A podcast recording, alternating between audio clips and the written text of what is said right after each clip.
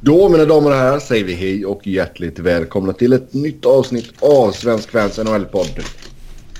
Mitt namn är Sebastian Norén. Med mig så har jag Niklas Wiberg och Robin Fredriksson. Så här på eh, morgonens tidiga, tidiga timmar i ett snötäckt Cincinnati. Hur är livet hemma i Sverige, pojkar? Åt helvete. Mm. Alltså Niklas, du har ju valt själv gå och bli Arsenal och Philadelphia supporter liksom. Det är inget man väljer. Okej. Okay. Ödets lott. Sebbe är sån som valde lag när han var 10 efter så här, vilka som var bra. Ödets lott då. Ja. Man är ju på väg att fucka upp slutspelsplatsen. Jag kan mig fan på att man kommer göra det. Det känns... Det ska mycket till för att de ska fucka upp den. Känns lite så. Nej men alltså för några veckor sedan när de toppade Metropolitan där så eh, hade de ju 13 poäng ner till laget utanför slutspel och de hade 99% sannolikhet att gå till slutspel. Uh, nu är det liksom 5 poäng ner till Florida utanför och Florida har tre matcher till godo. Klart. Man men... är ju fyra poäng före New Jersey som har en match till godo och liksom Senaste veckan har man spelat mot Columbus, Carolina och Detroit. Och man har liksom inte varit redo att spela i någon av matcherna. Columbus var torskar man mot och Keynes lyckades man vinna mot för att de också är ett jävla skitlag. Och Detroit räckte det med typ en kvarts bra match mot för att man skulle få med sig en poäng som man inte förtjänade. Mm, Hur ser spelschemat har... ut de sista åtta matcherna? Det är tufft. Rangers, Pittsburgh, Dallas, Avs, Boston, Islanders, Keynes och Rangers igen. det var ju inte jättelätt. Nej men det kan lika gärna bli fyra torsk mot Pittsburgh, Dallas, Avs och Boston där på en vecka. Uh, utan att det egentligen är så värst anmärkningsvärt att förlora i en enda av de enskilda matcherna. Eh, det är ju därför man behöver vinna de här som borde vara garanterade segrar mot Carolina och Detroit och eh, allt de här skitlagen som ligger där liksom. Som inte har något att spela för. Eh, och så går man ut och liksom visar knappt ens att man bryr sig. Då får ju bara en att hata den jävla idiotcoachen ännu hårdare. För i grunden tycker jag ju ändå att det är liksom typ spelares individuella ansvar att komma ut förberedd och redo för match.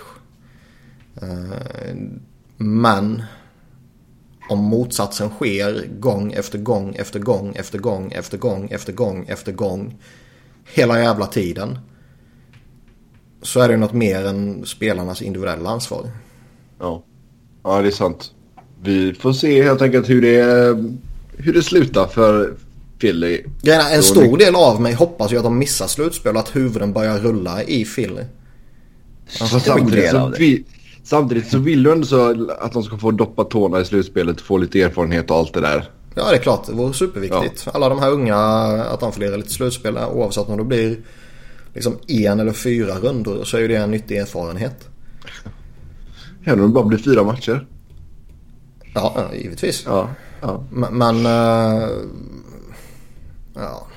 ja. Långsiktigt är det ju viktigare för laget att bli av med coachen än att få spela sex slutspelsmatcher. Ja, det är klart. Vill ni höra mer av Niklas och hans tankar kring Philly så kolla in Flyers-podden. Nu går vi in på det vi har på körschemat här och först ut så har vi GM Meetings som har pågått i dagarna i Boca Raton, Florida. Gissa hur varmt det ska vara där idag. 32. 27. Ja. Det är, klockan är sex på morgonen. Det är 22 grader varmt redan. Ja, fan själv, sit, själv sitter jag i en halv meter snö. Det är inte okej. Okay. Fast du har ju förtjänat det. Det här var ju i och för sig självförvållat. Vi måste vi valde att flytta hit. Men ändå. Så ja, de... Eh, alltså det är alltid de här GM-meetings. Man, man, tänker bara att ja, gubbar vi, vi sitter och tjötar en halvtimme och sen går ut på golfbanan typ. Eh, när man väljer att lägga det på ett sånt ställe. Men beslut för goal interference challenges ska flyttas till eh, War Roomet i Toronto redan den här säsongen. Krävs dock att NHLPA, domarna och Board of Governors alla godkänner. Det är väl sig, jag, jag har nog skrivit fel för jag tror inte det är klappat och klart. Utan Mm. eh, klappat och klart blir det ju först när de har godkänt det liksom. Ja, exakt. Eh, de vill genomföra det. Och för att det ska kunna genomföras då så måste ju GMs vara överens. Eh, NHLPA måste eh, lägga OK. Domarna måste lägga OK. Och Board of Governors måste enhälligt säga OK via fax. Via fax, Står det exakt. specifikt. Ja. Punkten körschemat är skriven som att det är klappat och klart att det flyttas till War Room nu. Men typ för att ett mål ska godkännas måste NHLPA, domarna, Board of Governors och alla ja, rösta igenom det. Det hade varit. Ja, Det hade fuck. Det, det vore fint. Fax. Har vi En, något?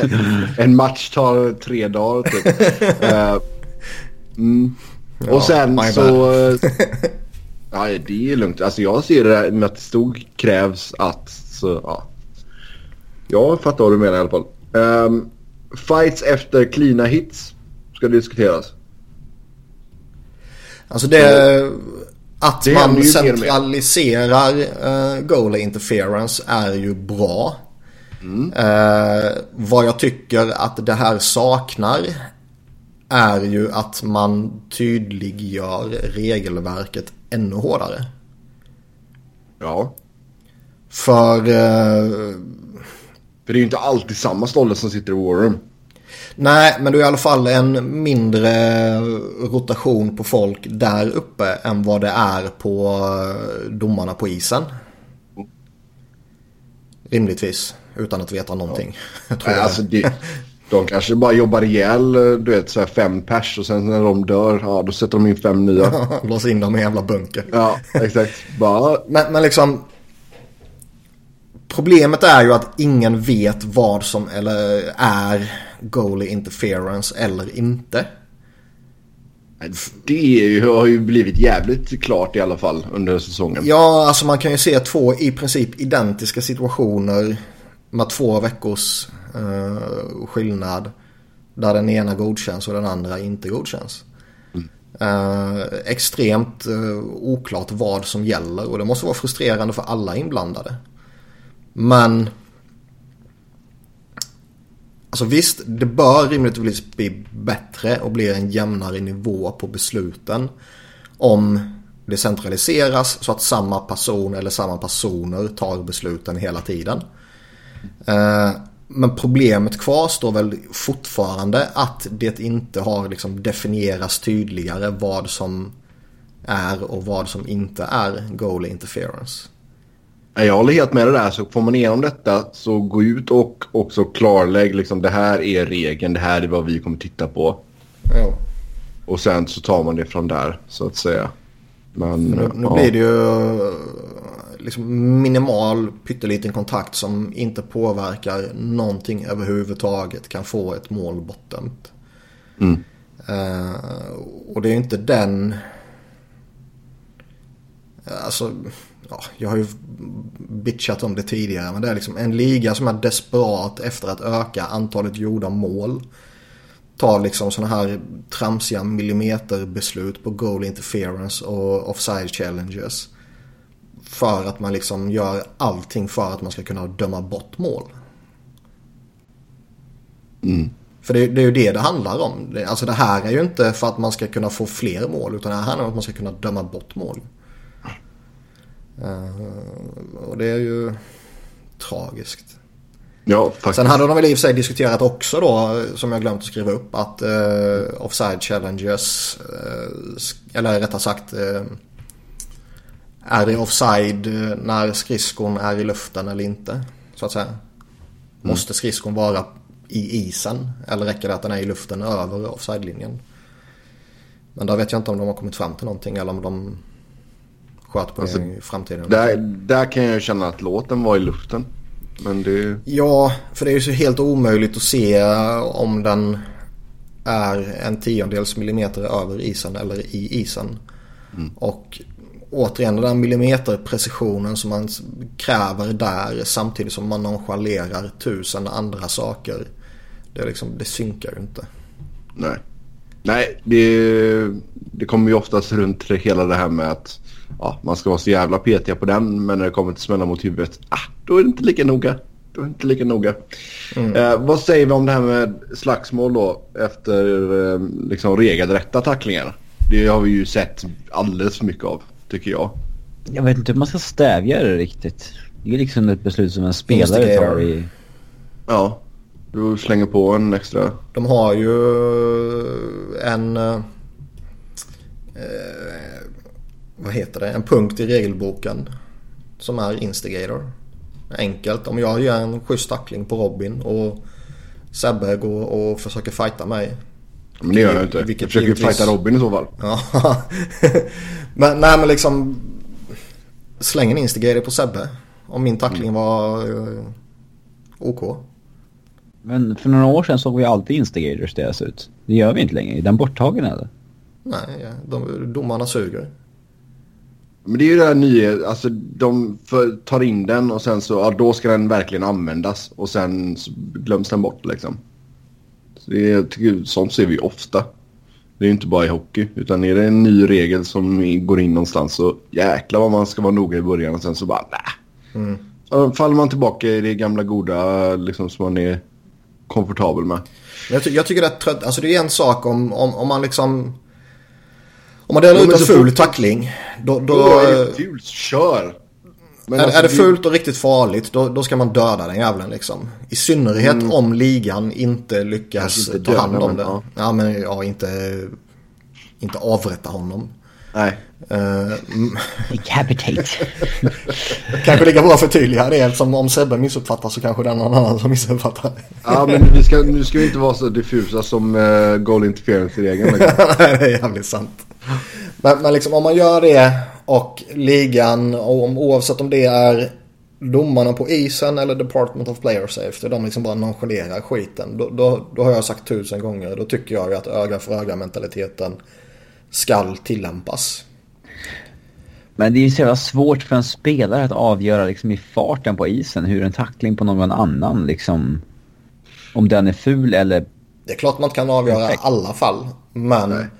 Men uh, så fort det är en stor tackling nu så känns det som att det blir bråk efteråt. Ja, för en spelare kan ju inte avgöra i farten där om den tror i huvudet eller i axeln. Fast det är ju många, alltså... Jo men vadå, alltså även om det är en klockren liksom nere i sarghörnet så känns det ju som att Även om du verkligen ser att det, det är bara kropp liksom. Fan vilken bra tackling. Så är det någon som ska komma in och börja svinga liksom. För att ja, det ja. råkar vara på fel spelare. Ja, eller... det behöver inte ens vara fel spelare. Det räcker bara att det är eh, en spelare. Mm. Alltså det är inte bara stjärnorna. Jag upplever det som hela tiden, eller hela tiden, men mest hela tiden. Att eh, man sätter en tackling, tacklingen i sig. Man kan inte missuppfatta tacklingen som ful liksom. Mm. Och det är inga problem med spelaren som fick tacklingen. Han studsar upp direkt och spelar vidare. Men ändå ska det liksom slåss för att man tacklades. Mm. Det, är en, det är en sak om tacklingar är förbjudna. Du får inte ha någon kroppskontakt liksom. Uh, och så delar man ut en tackling där man inte är ful men liksom, du får ändå inte göra det. Ja, då kan man väl slåss liksom. Men nu är det ju bara tramsigt. Ja, det är lite konstigt. Ja, och så är det fel spelare som ska gå in och slåss och så får han en handledsskada för att han är inte van vid att slåss och så är borta fyra veckor liksom. Och bara, vad fan var det värt för? Mm. Ja, det är helt sant. Vi går vidare. Eh, Carolina och deras eh, jakt på en ny GM verkar eh, läggas på the backburner till sommaren. Eh, det går snack om att man ba bara erbjuder en årslön på 400 000 dollar till sin nya GM. Och att det är en den största anledningen kanske till att folk har tackat nej. Det har ju, sen, sen jag skrev det här har det kommit två nya rykten eller uppgifter eller vad man ska säga. Det ena är ju att det här vore förmodligen inte den lägsta lönen för en GM i ligan. Och det andra är väl att ja men det här stämmer nog inte. Utan det kanske bara är rökridåer som Keynes vill skicka ut för att de inte gillar att eh, så mycket har blivit offentligt. Så säger de liksom att Nej, men nu, nu skiter vi i det här, vi väntar till sommaren och så fortsätter de med sitt jobb eh, i underjorden så att säga. Ja. Mm. I underjorden. Jaha. Som murvlar. Jajamän. Ja. Fy- Alltså 400 000, jag vet inte. Det är, det är ju ingen dålig lön liksom. Men det blir ju liksom... Där. Är det det verkligen? Jag tycker det är en riktigt usel lön med tanke på vilket ansvar man har för en hel organisation i en liga som omsätter eh, några miljarder dollar liksom. Eh, Ja, men coacherna, deras underordnade, de flesta där ligger väl runt två mil eller någonting. Vad är snittlönen nu för en tränare? Ja, jag alltså snittet måste nog i alla fall vara på minst två mil efter att Babcock... Det drevs ju upp, när Babcock signade så drevs ju priset upp för eh, alla andra också. Eh, När alla andra skulle ha förlängningar och grejer så då var det ju där de landade när Barry Trotz, eh, Trotz signade i Caps. Så, ja. Så Okej, det har ja. ju, det har ju pushats upp liksom. Och Ja. man, man ser liksom... Fan det finns... Organisa- det finns 400 or- 000 för dåligt. Vad sa du? Då får jag hålla med. 400 000 är för dåligt. Ja, alltså det, det finns ju organisationer som med glädje betalar det dubbla för sin AHL-kapten typ. Det är ju sig jävligt sant.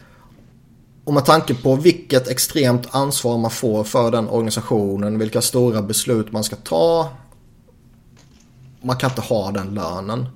Sen att eh, Dorian i Ottawa kanske förmodligen är den sämst betala eller om det är Shaika i. Arizona. Så eh, ja. Men det säger väl också rätt mycket om de organisationerna i så fall. Det går ju, jag, vet, jag vet inte om det är någon GM-lön som är offentlig faktiskt. Men det snackas väl lite om att eh, Uncle Lou har 4-5 miljoner i Toronto till exempel. Och visst nu är Toronto Toronto. De har pengar så de kan strö om sig till höger och vänster utan att det egentligen påverkar dem. Men Jag tror Ken Holland har som har suttit i Detroit i 20 år. Ja. Det, det Ja, känns ju liksom som att man, måste, man bör ju ha några miljoner i alla fall. För det känns ju lustigt också om man sitter och förhandlar spelare som ska få 10,5 miljoner i, eh, i årslön när du själv har liksom 375 000. Ja. Och så ska man ta Ja, det- beslut som påverkar hela organisationen i liksom 10 år framöver kanske. Och, eh, ansvarar för tusen saker. Och, ah, det, det, det är klart man måste få vettigt betalt för det. Sen finns det ju en tredje faktor i Keynes eh, diskussionen också. Och det är ju det här att man vet inte riktigt hur stor rollen kommer vara. Då man, Nej, med då hela det man här typ misstänk- Ja. nu. Det är ju, vad heter han? han eh, det finns ju någon annat lag i Texas. Eh, om det är amerikansk fotboll eller basket eller baseball har jag ingen jävla aning om. Men det finns ju någon annan hands-on ägare där nere som Dundon är bra kompis med. Som han typ vill efterapa på något sätt. Jaha, snackar du om... eh, ja, ja, ja. Vad är det han heter? om du säger namnet så vet jag vilket Jo, namn det är. åh, gud. Jo, det är ju Mavericks namn. eh, ägare. Ja, Mavericks är det ja. Ja, ehm, men shit. Och det får, det får ju Vänta, rimligtvis folk vi- då att... eh, Mark, Mark Cuban. Kuban var det. Och, och så får, får Kuban. det... Ja. Kuba, kubanen. Och så får ju det rimligtvis folk då till att eh, backa bort. För man vet inte riktigt eh, liksom hur beslutsfattandet kommer gå till. Och vem som har final say. Och får jag göra vad jag tycker är bra att göra. Eller ska han sitta och bestämma allting. Och måste jag ha tre timmars morgonmöte med honom dagligen. Typ. Alltså är, är man... Är man en typ assistant GM som har ett eh, bra läge om det är liksom Nashville, Pittsburgh eller något sånt där. Varför ska man lämna det för någonting som känns jävligt eh, oklart och enligt många förmodligen oseriöst? Och är man liksom en up and coming GM så eh, andra arbetstillfällen kommer ju oundvikligen öppnas upp. Om det så är till sommaren eller under nästa säsong eller nästa sommar. Men har man lite tålamod kan man ju få bättre erbjudanden. Sen tror jag det är svårt också att när man väl får det där erbjudandet så liksom det är ju inte säkert att man kommer få ett liknande erbjudande någon gång till. Nej. Visst är man liksom typ Fuda i, uh, i LA som... Alltså det pratas ju om han så fort det ska eh, till en ny GM eller Dubas i Toronto eller uh, vad heter han i Nashville? Fenton. Ja. Alltså de intervjuas ju typ så fort det är en öppning någonstans. Så de behöver väl inte oroa sig. Men lite andra sådana här random folk liksom. Var, varför vågar man tacka nej så att säga? Ja. Sen tycker jag också det är lustigt att alltså, man kan inte skjuta på det här till sommaren. Nej, det måste ju vara någon som... Det måste ju vara någon som går in i sommaren och bossar. Eller i alla fall ha en övergripande översikt på något sätt. Det, Ja, ja herregud. det känns liksom som att eh, man går in i en sommar där det är draft och det är eh, free agency och det är väl kontrakt och grejer som ska förlängas eller som ska släppas och hela köret och liksom man typ skiter i det. Mm. Det känns lite lustigt. Ja, det gör det. Vi får se vad som händer med Hurricanes helt enkelt. Sen NHLPA har röstat igenom att göra alla awards-röster offentliga. Det pratade vi om förra avsnittet så det är ju kul att det gick igenom i alla fall. Mm. Ja. Det är Eh, framförallt intressant att se hur det påverkar röstningen. Ifall vi får några tokröster ändå. Det lär vi väl få va? Tror du inte det? Det finns ju säkert någon som... Någon som är så här riktigt insnöad på det laget de följer och så kommer det liksom så här en röst på eh, en spelare. Någon... det, det kommer ju alltid finnas eh, sådana röster. Det kommer alltid finnas en bias mot laget man bevakar. Det kommer alltid finnas en bias mot Eastern Conference liksom. Jag tänkte säga mot öst, absolut. Och det kommer alltid finnas en bias mot eh, eller vad ska man säga, för eller mot vissa spelare. Det var någon Detroit-journalist som sa att eh, Detroits organisation var arg på honom för att han inte hade röstat på Lidström till Norris något år. att liksom såhär, du är, Du är en du svikare. tillhör, alltså liksom såhär, You're not part of the family anymore. ja men liksom såhär, bara för att han var en bevakar Detroit så borde han rösta, Borde han han rösta på Lidström. exakt. Ja. Ja. Men jag, ty- jag tycker det här är bra för, för inte bara för att man eh, Alltså som jag har sagt tidigare, hänga ut de jävla idioterna som röstar helt galet. Alltså det Om man röstar på liksom Vad ska man säga, förra säsongen liksom. Om man röstade på Erik Karlsson eller Brent Burns för Norris. Det är väl en smaksak kan jag tycka. Där, där kan man inte hänga någon för det liksom. Men röstar man på Tory Krug förra säsongen. Då ska man ju hängas liksom. Och då ska man hängas ut.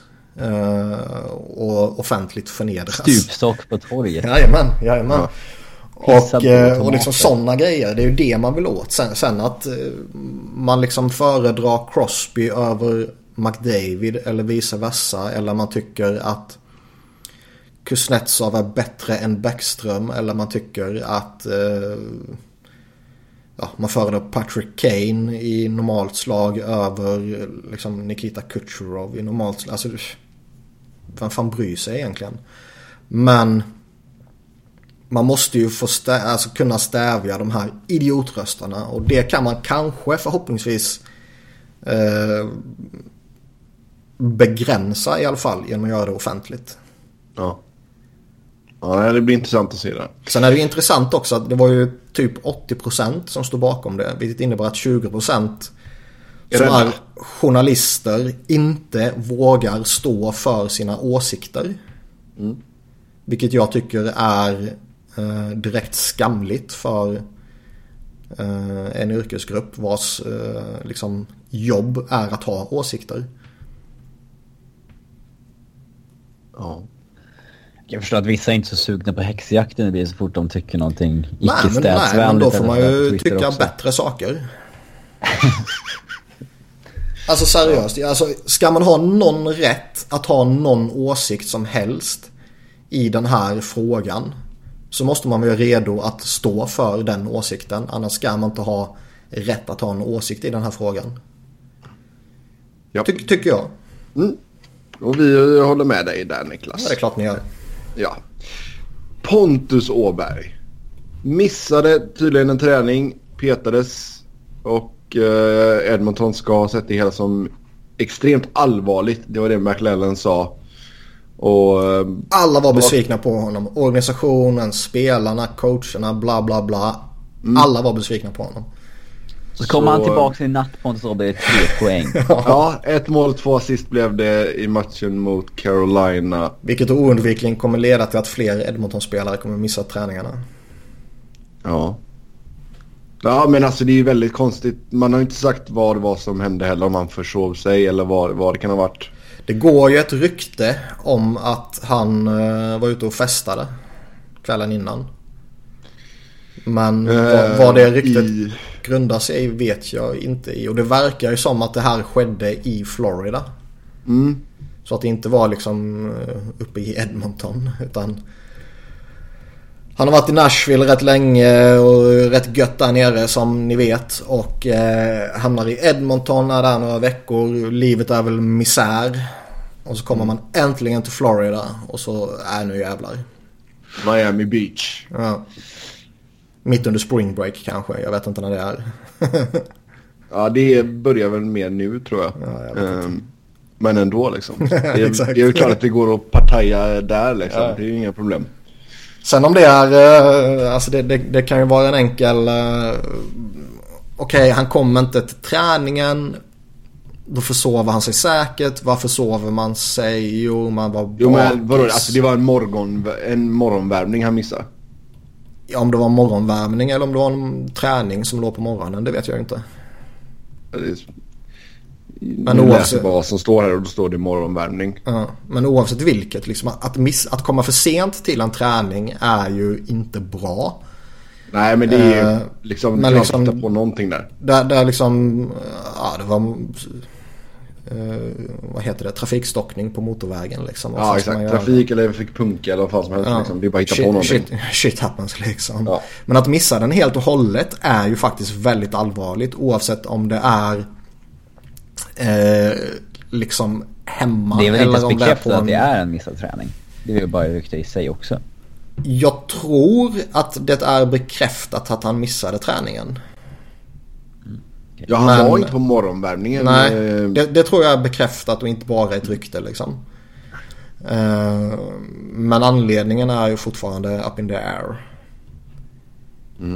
Och det är jävligt lustigt ändå för att alltså, man missar en träning, man har ändå gjort eh, en tid jämte Conor McDavid liksom och så petas man och Edmonton-journalisterna typ verkar inte bry sig. Så, så, så tillvida att man inte typ. gräver om det. Ja. Jo, jo men liksom Edmonton-journalisterna är ju erkänt eh, galna. Ja, ja, där som är ju Sen visst, sen- sen har de ju- med exakt vad det är som har hänt. Sen har ju de ju en väldigt stor tendens till att backa allting som organisationen gör. De försöker ju fortfarande rättfärdiga alla galna trades de har gjort här de senaste åren.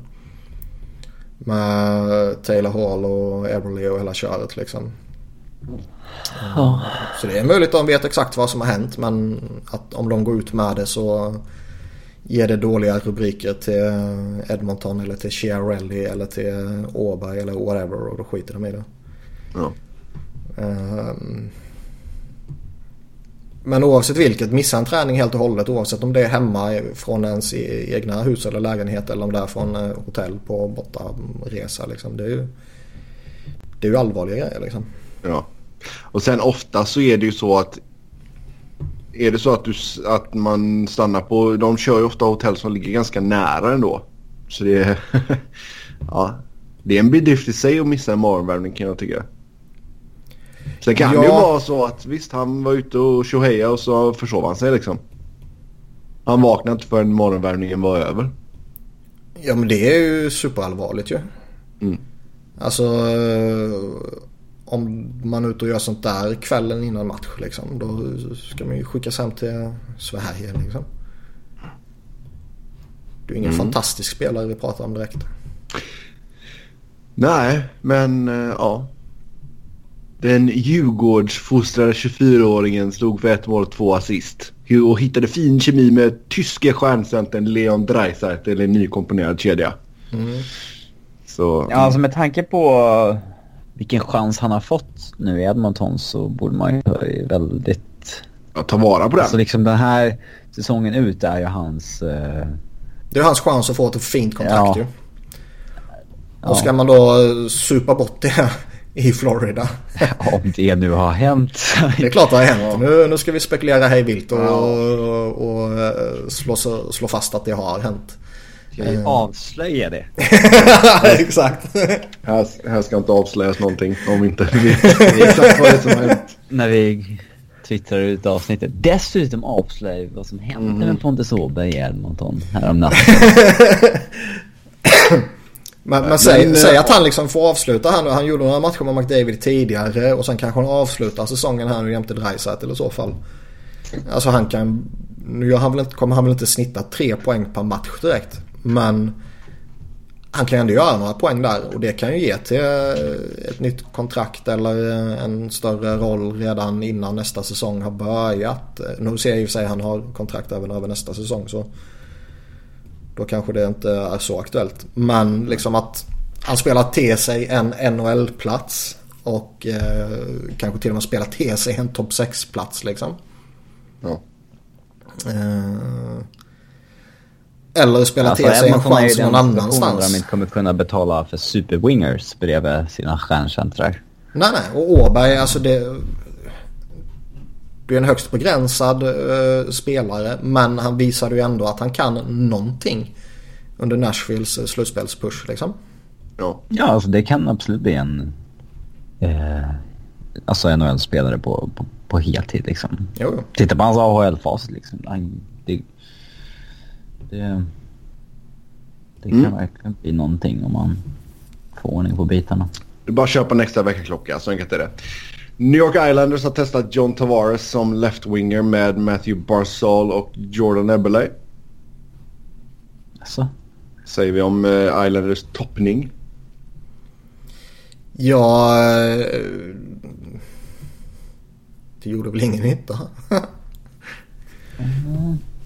Fast det är, det är väl intressant. Det är alltid intressant när man liksom testar det bästa man har tillsammans. ja, så... Nu var det väl bara över en enstaka match tror jag. Sen, eh, sen gick de tillbaka till att vara center. Både eh, Barzal och Tavares. Mm. Men det är ändå lite spännande.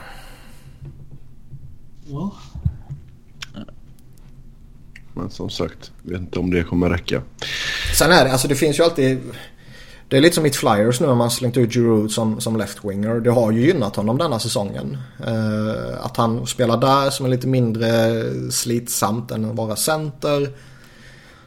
Är ju en del i att han har studsat tillbaka på en sån fantastiskt sätt han har gjort. En annan del är ju såklart att han har fått vara skadefri för första gången på två år typ. När han går in i säsongen. Ehm, men det ger ju också negativ effekt i liksom centerdjupet. Där, Ja, alltså det är ju en bra one-two punch, eh, Tavares och Barzal liksom. Så, ja, det är en skitbra eh, så. Uh, och göra en sån extrem topptung första kedja Även om den första kedjan blir superbra. Behöver ju inte nödvändigtvis gynna laget så extremt mycket. Nej, det är sant. Ja, vi går vidare. Montreal och Carey Price. Nu uh, sägs det att han ska komma tillbaka. Uh, när Canadiens tar emot Pens. Ja, jag vet inte om det är just den matchen. Eller om det bara är slutskedet. Nej, han ska spela i natt. Alltså, ja. Så eh, ja, har inte spelat sedan 20 februari. Så en dryg månad har han varit borta. Ja, och nu börjar det tuggas lite om att eh, liksom, säsongen är körd. Det är bara nio matcher kvar för eh, Habs. Och varför ska man liksom utsätta han för det här? Kan man inte bara stänga ner honom och köra inför nästa säsong? Alltså jag kan ju se båda, båda sidorna där. Jag kan ju förstå att han vill spela om han är frisk. Om man känner att han är frisk och fått klartecken från läkaren då liksom. Det är ju svårt, det är svårt att ta den striden liksom. Om, om läkarna säger att allt är OK och någonstans även om man såklart är skeptisk till läkarna med tanke på vad som har hänt genom åren. Ja, ja, de jobbar ju för laget och Ja, allt typ. sånt där. och, och, och liksom, eh, men säger de att det är OK så någonstans måste man ju ändå till, till viss del kunna lita på det i alla fall. Och Carey Price säger att han vill lira, att han ska lira. Då, då, liksom, då kan man ju inte riktigt ta den kampen. Även om man är en väldigt respekterad Claude Julien. Det är som Vigneault i Rangers. Om han tar kampen mot Henke så kommer han ju som han gjorde här för eh, om det var några veckor sedan eller några månader sedan. Det minns jag inte nu. Men han typ skyllde säsongen på Henke Lundqvist. När det verkligen inte är så. Eh, Tar man liksom kampen mot Henke i Rangers så kommer man ju förlora den kampen. Och tar man kampen mot Carey Price i Montreal så kommer man ju rimligtvis förlora den kampen. Nu är det sant. Nej, så Price han, var, han satt på bänken i matchen må, måndags mot eh, Florida och så ska han spela nu i natt då, onsdag natt. eh, mot Penguins hemma i Bell Center. Så ja. Sen är det jag tycker också det, det finns ju rimlighet i den här argumentationen att stänga ner honom för säsongen. Liksom. För han kommer ju från en rätt skadedrabbad period. Inte Ja, bara denna speciellt. säsongen då utan eh, över tid. Jo, speciellt nu när den senaste skadan var en hjärnskakning också. Mm. Så eh, visst, ja, jag skulle väl... Han har fortfarande Så- inte gått in på sitt nya monsterkontrakt. Nej, men alltså som Canadian supporter så hade jag ju inte haft någonting emot ifall man bara sa att ja, men låt han vila liksom.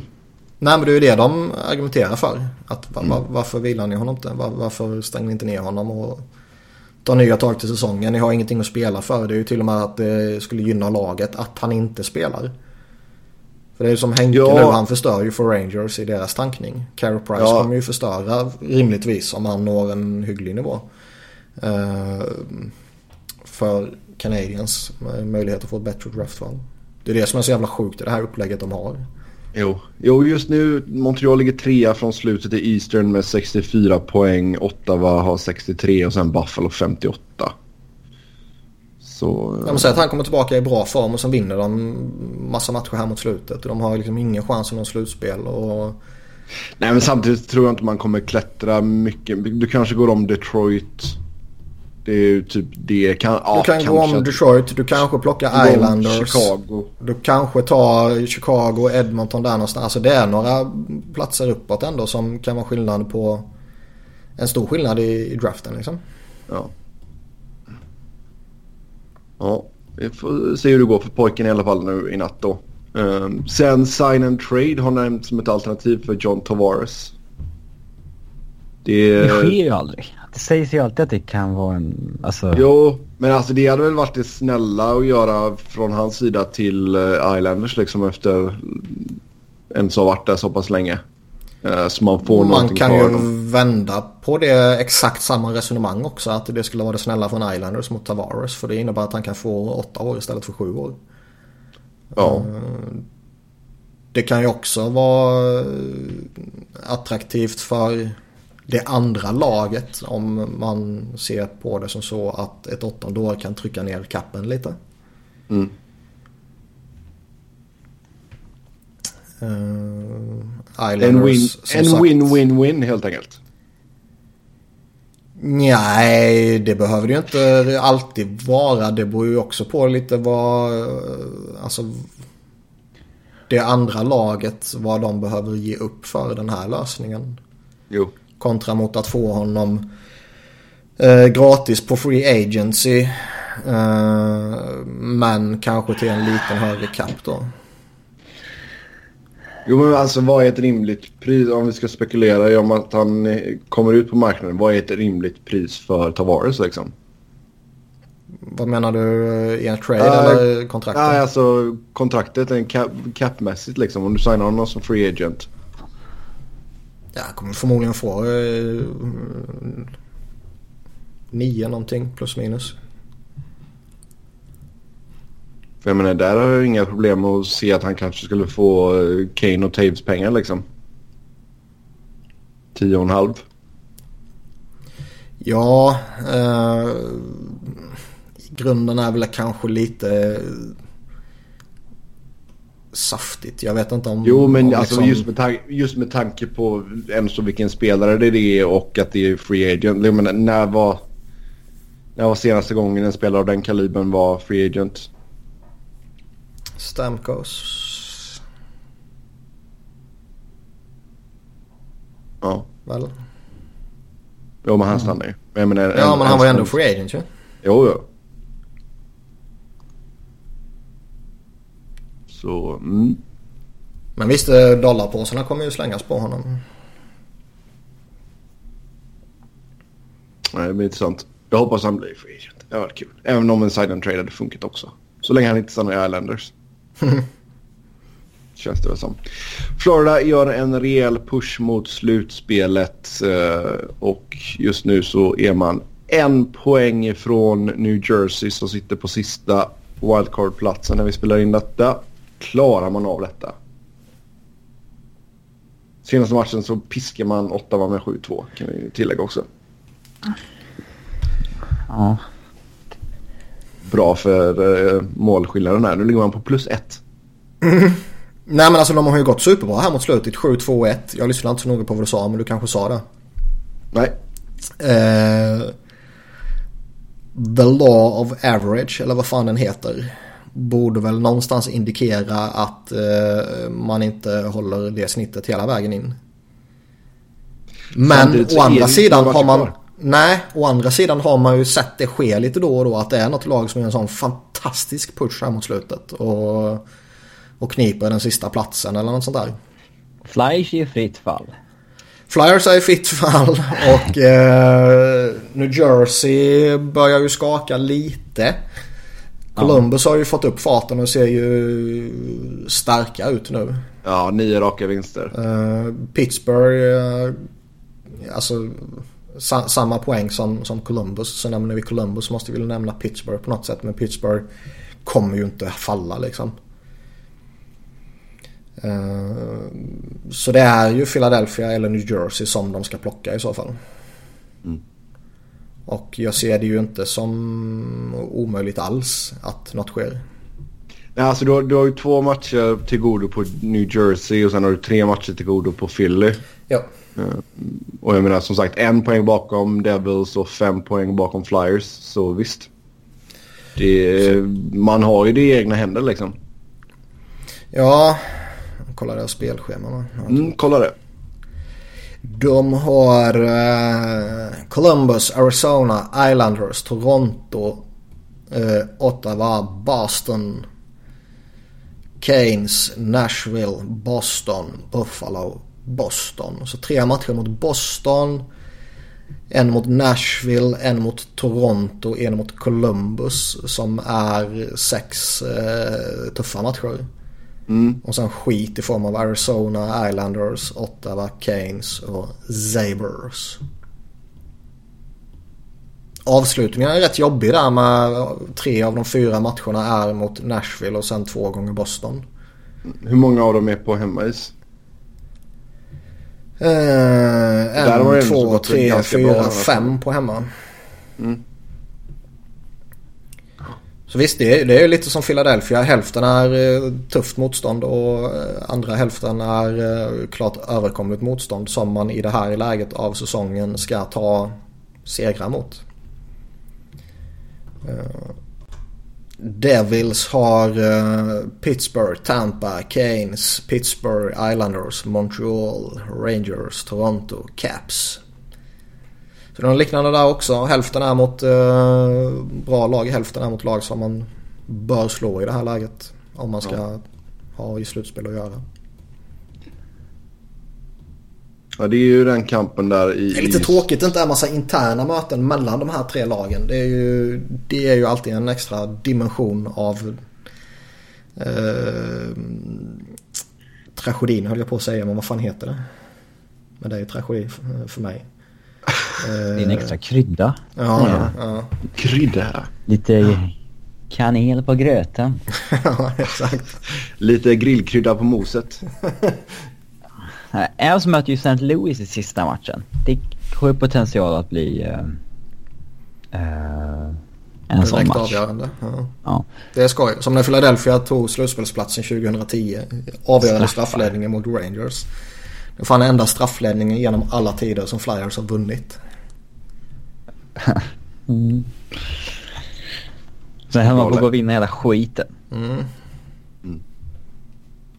Mm. Sen eh, näst upp här då ska Jim Nill och Doug Armstrong få kicken om Dallas och respektive St. Louis missar slutspel. Ja. Alltså man ligger ju precis bakom här nu. Uh, Dallas sitter på 84 poäng. Uh, St. Louis på 83. Just nu så ligger Anaheim på sista wildcard-platsen i West med 86. Alltså Jim Nill tycker jag är väldigt kompetent. Så jag tycker det vore fel att kicka honom. Uh... Här, kan de garantera sig att de hittar någon bättre då liksom? Och han, knappt, han har inte varit där så länge heller. Det... Nej, sen samtidigt så han har fått göra en hel del grejer ändå. Ja, men det här laget såg ut att ha noll framtid när han tog över. Ja, absolut. Alltså, jag, säger, jag säger verkligen, jag skulle verkligen behålla honom. Jag tycker han är duktig. Men eh, han har ändå fått chans att göra sina grejer. Utan att laget har lyft på, på det sättet liksom. Från ett kontrakt fem år till dock, så det borde inte vara aktuellt att... Fem år till, det visste jag inte. Nej, det är lite mycket. I alla fall på Elite Prospect står det kontrakt 22-23. Ja, men då får det... vi lita på EP. Annars ska jag hänga Johan. Eh, ja, det skulle bli en liten alltså Armstrong, Armstrong har ju varit där en mycket längre tid. Um, och han är ju medioker. Ja, men liksom... Men han har haft sina typ tio år där när han har bossat. Har ju inte riktigt gjort något så här superbra. Uh, Nej, jag menar de, de var en period där för några år sedan där de missade slutspel mycket och sen dess så har de gått till konferensfinal en gång vilket såklart är bra i Western Conference. Men det har varit eh, rätt många uttåg i första eller andra rundan. Mm. Med tanke på hur slagkraftiga de ändå har varit på pappret senaste åren så man kan ju inte säga att hans period är övergripande framgångsrik. Nej, det kan man inte. Armstrong kanske ligger eh, sämst till av de två då. Sen eh, nästa punkt på schemat. Vilken coach är minst respekterad av sina spelare? Oj, nu snillen spekulerar igen. Dave Hackstone.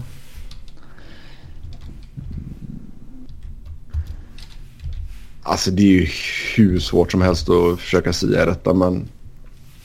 Visst. Alltså vad... Förmodligen någon som är på sitt första NHL-jobb fortfarande. Ja, eller någon som verkligen är på väg utåt. Vigneault. Ja. Det känns, alltså det...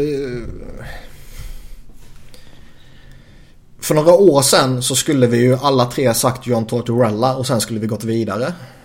Ja. Men nu känns Men... ju han som han är eh, högt upp på motsvarande lista. Ja, ja, ja. Han blivit en, verkar ju gått och blivit en riktig players coach.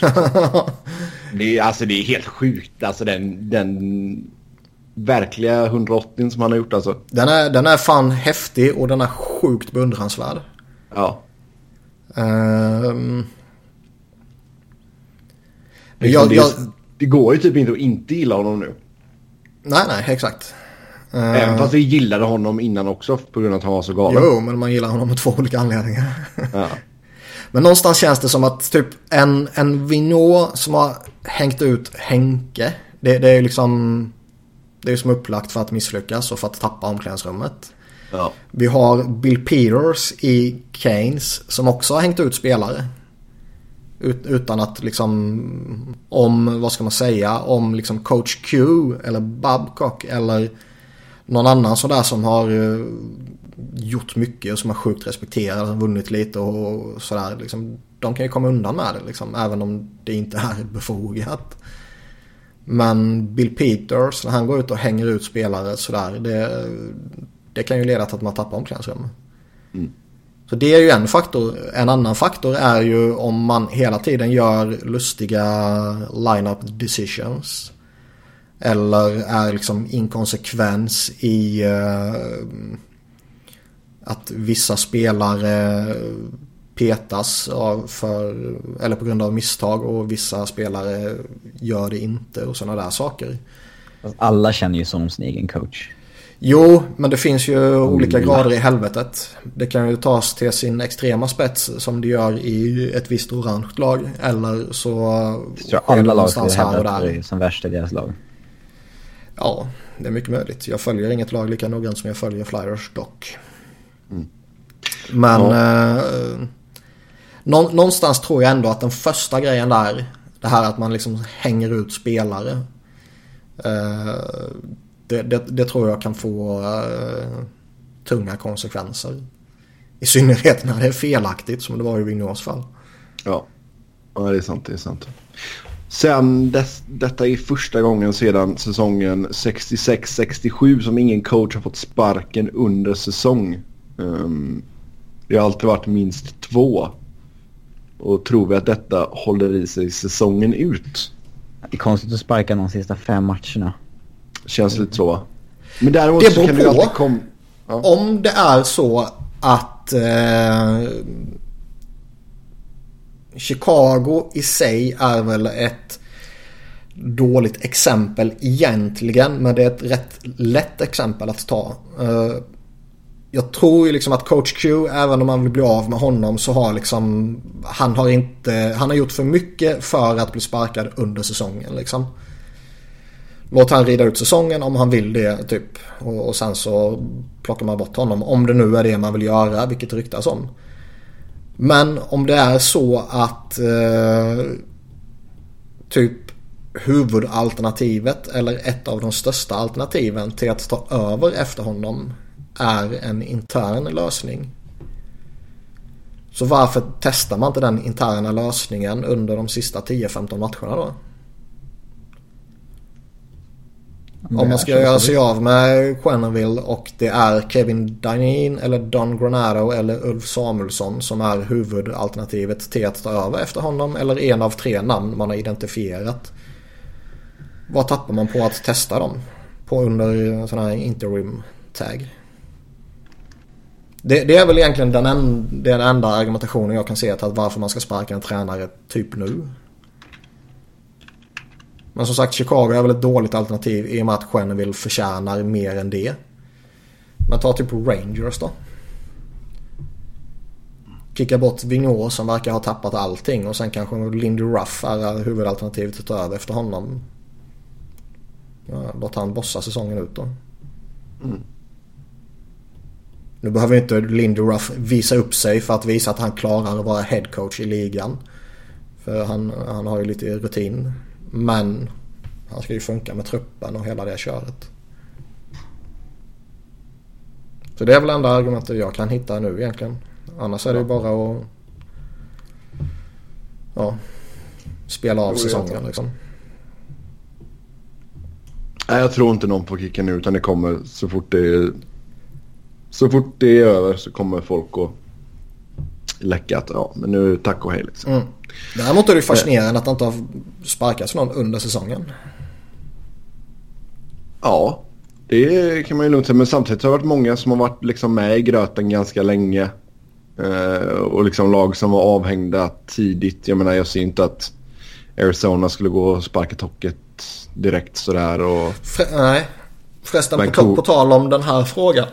Och mm. baka in även den här vi hade om Neil och Armstrong. Ja. Calgary. Ja. Borde typ inte huvuden rulla där? Nej, man är för, man är, man är för nära.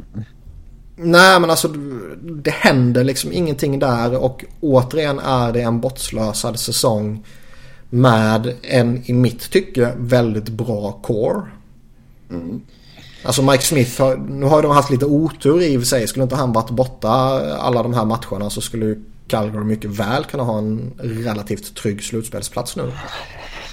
Men eh, han har ju varit en bra målvakt för dem. De har två riktigt bra backar i Giordano och Hamilton. De har ju en fantastisk forwardscore med Johnny Hockey och Sean Monahan och Tachak och lite så här.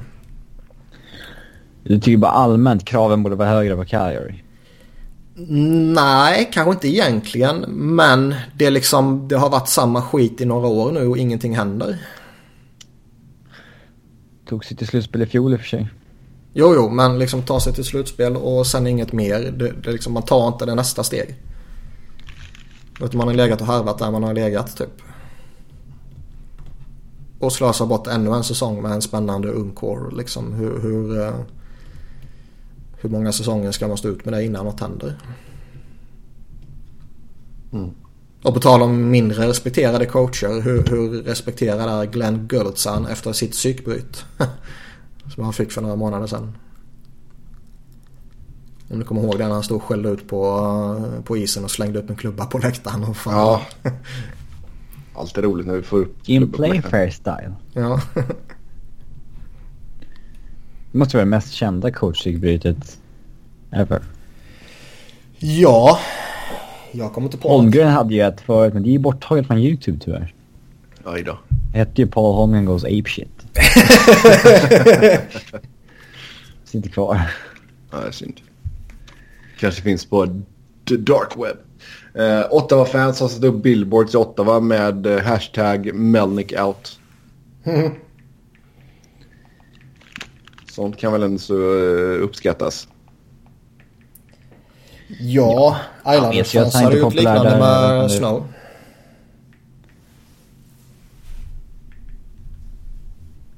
Så det är ju gött. Jag vet inte vad vi ska säga om det. Jag vill bara lyfta det till folks uh, uppmärksamhet. Ja, det är som sagt, det, kör på bara. Men eh, det kommer inte hända någonting där. Nej, alltså. Det, det, är väl viktigt att uttrycka sitt missnöje tycker jag. Eh, att visa att man inte accepterar den här skiten. Och, och så vidare. Men har det någon verkan? det som Ottawa-fansen gör eller det som Islanders-fansen gör. Eh, det är väl jävligt tveksamt. Ja, alltså det... Det största... Eller det som Arsenal-fansen gör med Wenger out-bandroller efter flygplan. ja, exakt. Ja, men alltså det... Det kommer inte hända heller liksom. Men det, det, största statementet du kan göra det är att inte gå på matcherna liksom. Jo, jo, och eh, det gör de ju inte i Ottawa ändå. Nej, men alltså om du verkligen kör att ja, bojkotta verkligen. Du... Såg ni um, vem, Travis Jost tror jag det var som la upp en bild från Ottawas match i natt. Uh, där det var typ uh, var det 120 pass på läktarna så tror jag att jag överdriver lite. Usch. Den är väldigt mörk den bilden. Jo, jo. Det... Ja, den, den, säger ju inte allt men uh, den är jävligt rolig. Det är ett gäng tusen där. Men jo, jo. Det... Uh, givetvis. Men uh, den är ju inte fullknökad direkt. Nej men det här skulle verkligen vara att alla, alla kommer överens om att ja, nu bojkottar den här. Du släpper in två pers som hänger upp en banderoll, Melnick out och sen så lämnar de matchen och så... Då kan vi väl börja snacka men det kommer inte hända. Uh, vad tycker vi om Jeff Molsons kommentar om Mark Bergevin? Niklas, du kan väl läsa upp hans quote där? Ja, då måste jag ju öppna upp den. Mm. Uh, if I take a look at his experience at the business of hockey, he had a lot of success building a, success, a successful team in Chicago, I think he's probably one of the better evaluators of talent out there. And he's somebody who really understands how to build a hockey team. Jag kan inte läsa utan att skratta. Nej, men det räcker. Det räcker. And I also think in a season you can always make up an excuse for what went wrong, but at the end of the day it doesn't fall on the general manager. It falls on the culmination of many different things that happen in a season. It could be injuries, it could be poor performance, it could be development, it could be not enough players players in the pipeline. But it all adds up. Uh, there's no reason, in my opinion, why this should fall onto the shoulders of one person. I think that one person has the capability of creating a better environment to make us who we should be, which is a winning team. But it's everything that counts, not just one person. Ja. Alltså, han har rätt i att det är fler faktorer som spelar in liksom. Men Ja, givetvis. Men eh, i slutändan så är det ju ändå en person som är i princip ansvarig för allt det här han nämner. Eh, Ja, det är lite svårt att man Skador, visst man kan få skadeproblem och det kan man ju inte hänga en GM för såklart. Nej. Om det nu inte är, eh, råkar vara GM som skadar spelaren. eh, men liksom poor performance.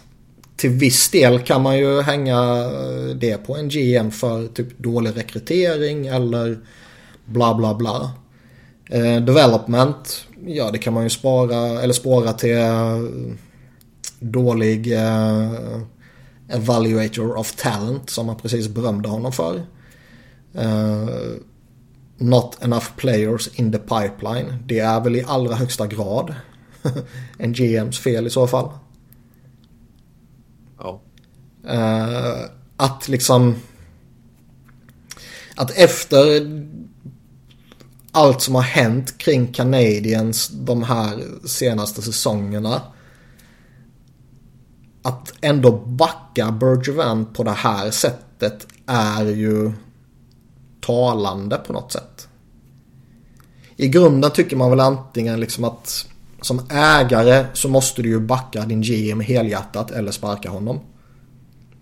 Så på ett sätt ska man ju inte ta det här för på stort allvar. Det kan ju bara vara att han, han, han pallar inte sparka honom av 17 olika anledningar kanske. Jo. Eller så tycker han verkligen så här. Och liksom om det bara är lite skitsnack för att han offentligt vill backa en GM som är eh, under fire så att säga. Det, det må så vara. Men om han faktiskt på riktigt tycker så här. Är väl ändå lite alarmerande. Jo. Det håller jag helt med om. Men ja. Bergevin verkar sitta säkert helt enkelt. Ja, det är ju det intrycket man får. Och vore jag Montreal-supporter så skulle jag ju personligen inte vara jättenöjd med det. Nej. Eh, Man kanske inte ska kräva hans huvud på ett fat. Men han borde ju inte sitta säkert. Nej, herregud. Sen tror jag man, man kan relativt enkelt kan man ju vifta undan den här säsongen på typ skadeproblem. Med eh, all, allt kring Carey Price och lite på Shea Webber och eh, ytterligare lite eh, ja, hyggligt framträdande spelare i typ Pacioretty och allt sånt här också. Så det, det är ju enkelt att vifta bort den här säsongen som ja, lite oflyt. Men eh, han har ju ändå gjort lustiga grejer genom åren. Shea Webber-traden är ju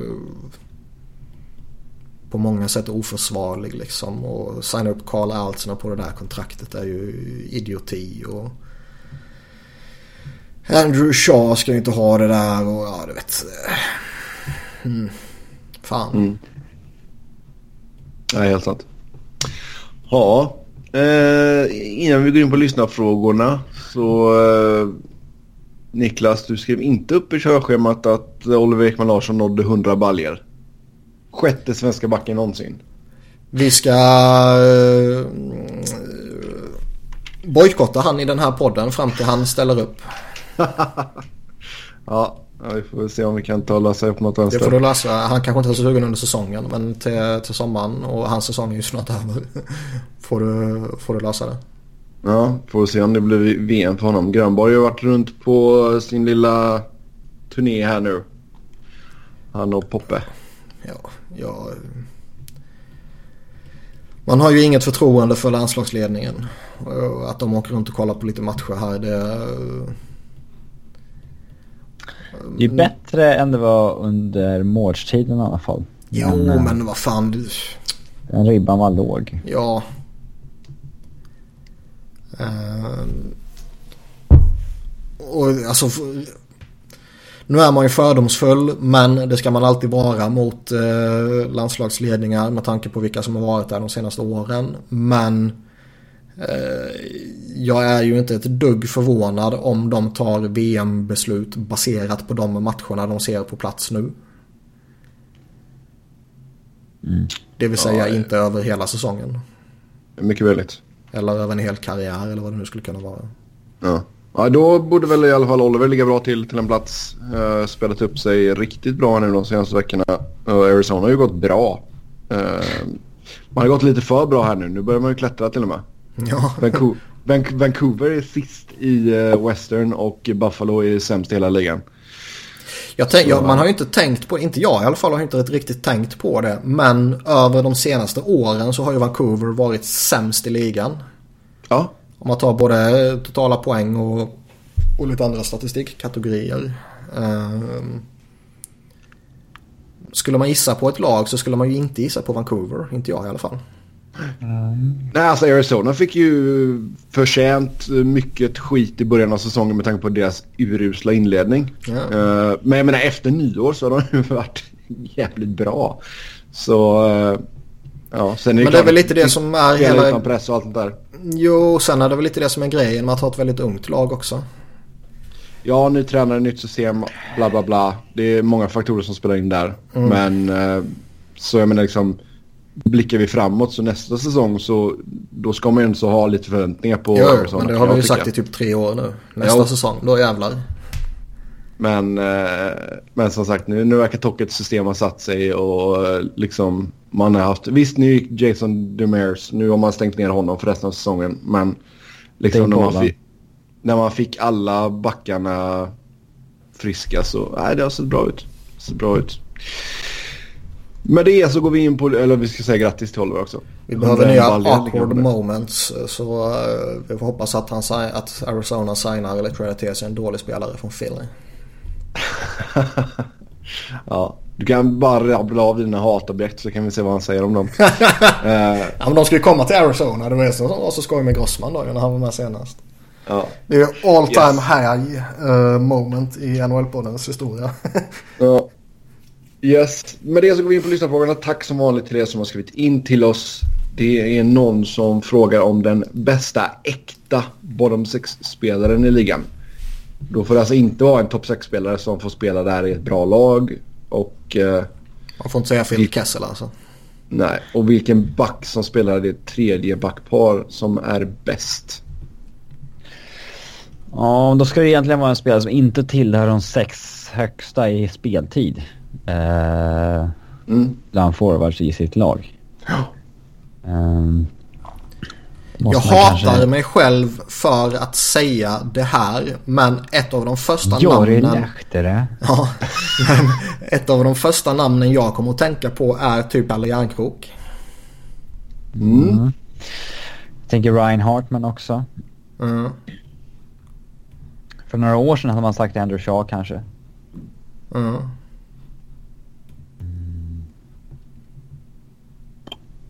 Ja, Järnkrok är bra där faktiskt. The Iron.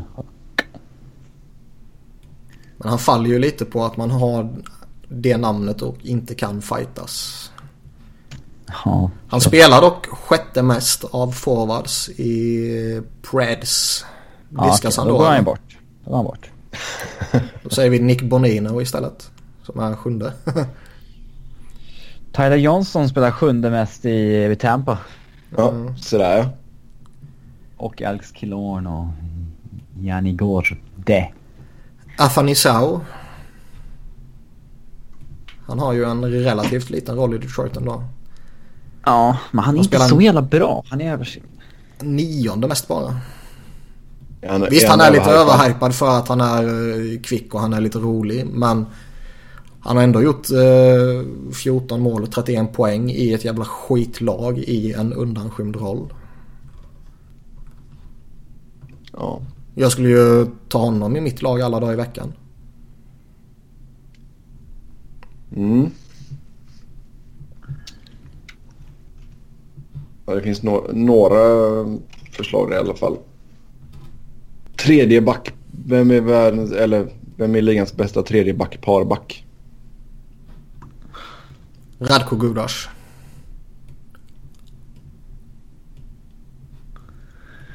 Den är också svår. Det ska alltså vara någon som spelar... I regel ska det vara fyra backar som spelar mer än den backen i... Mm. Uh... Alltså så svårt är det väl inte. Det är väl många coacher som spelar en alldeles för bra back i tredje paret egentligen.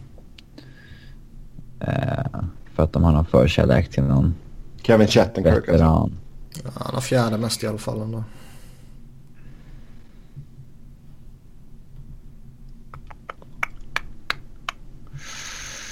Mm.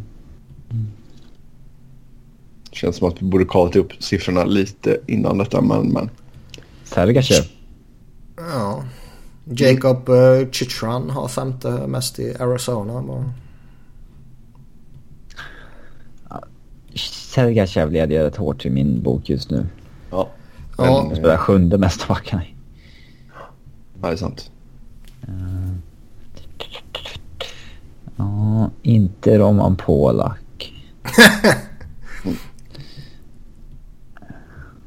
Ja, vi lämnar den. Ehm, vi fick in en fråga här angående Amnesty Buyouts när CBA går ut. Uh, någon som vill veta vilka spelare lag för lag som är aktuella. Uh, det är väl lite tidigt att säga det nu kan jag väl tycka. Men vill vi ha Amnesty Buyouts? för alltså CBA går egentligen ut 2022 ju. Men... Men Optionsår va? ja, den kan ju avslutas i förtid. Den kan ju avslutas 2020. Om eh, ligan kan ju opta out eller vad man ska säga. Eh, jag minns inte om spelarna kunde det också. Jag minns inte. Och det är ju faktiskt jävligt intressant för man, man ska ta det här beslutet senast något datum 2019 då typ. Om man ska op- opta out eh, 2020. Och det är ju då Seattle ska kliva in. Ja. Man kan väl för helvete inte riskera en lockout. När Seattle ska kliva in i ligan. Med tanke på vilken extrem hype det blev kring Vegas när de skulle komma in och hur bra det har gått för dem denna säsongen. Nej, exakt. Det kan väl inte finnas på ligan även om man vet att hela jävla NHL är fullkomligt galna. Det, alltså, det hade varit ett riktigt lågvattenmärke alltså. Ja. Dock är den här frågan avsevärt mycket enklare och lite mer eh, aktuell om man går på 2020 än 2022. Jo. Men vill vi, alltså det, jag, som sagt jag tror inte att det blir lockout 2020, det tror jag inte. Däremot 2022 absolut. 22 känns som garanti. dundergivet. Men eh, alltså, vi- så vi får väl hålla på den lite. Men vill vi ha Amnesty Buyouts? Nej. Ehm...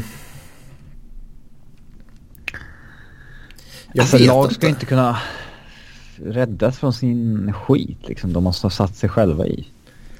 Eh, framförallt inte när det kommer börja liksom, surra om att lagen planerar i princip för Amnesty buyouts. Nej. Samtidigt alltså, det är ju svårt att gissa vad kappen kommer ligga på då också.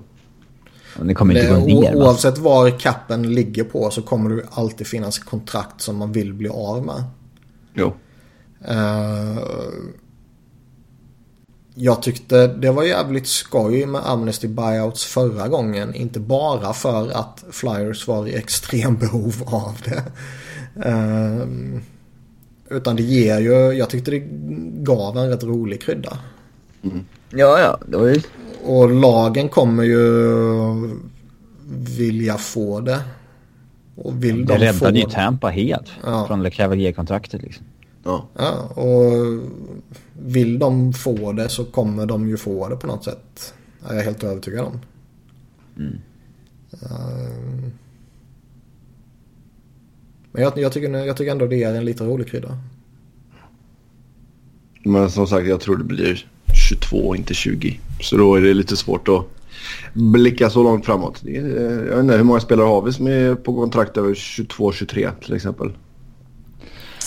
Uh, Tja Webber. Ja, kan man säga det på ett enkelt sätt? Det vet jag inte.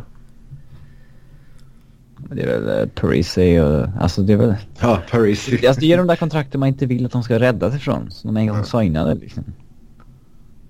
Fast det finns ju några sådana nysignade nu också som sträcker sig en bra bit framåt också. Som, Ja, det sägs ju att som inte är Hörnqvist dåliga. är aktuell. Mm. Uh,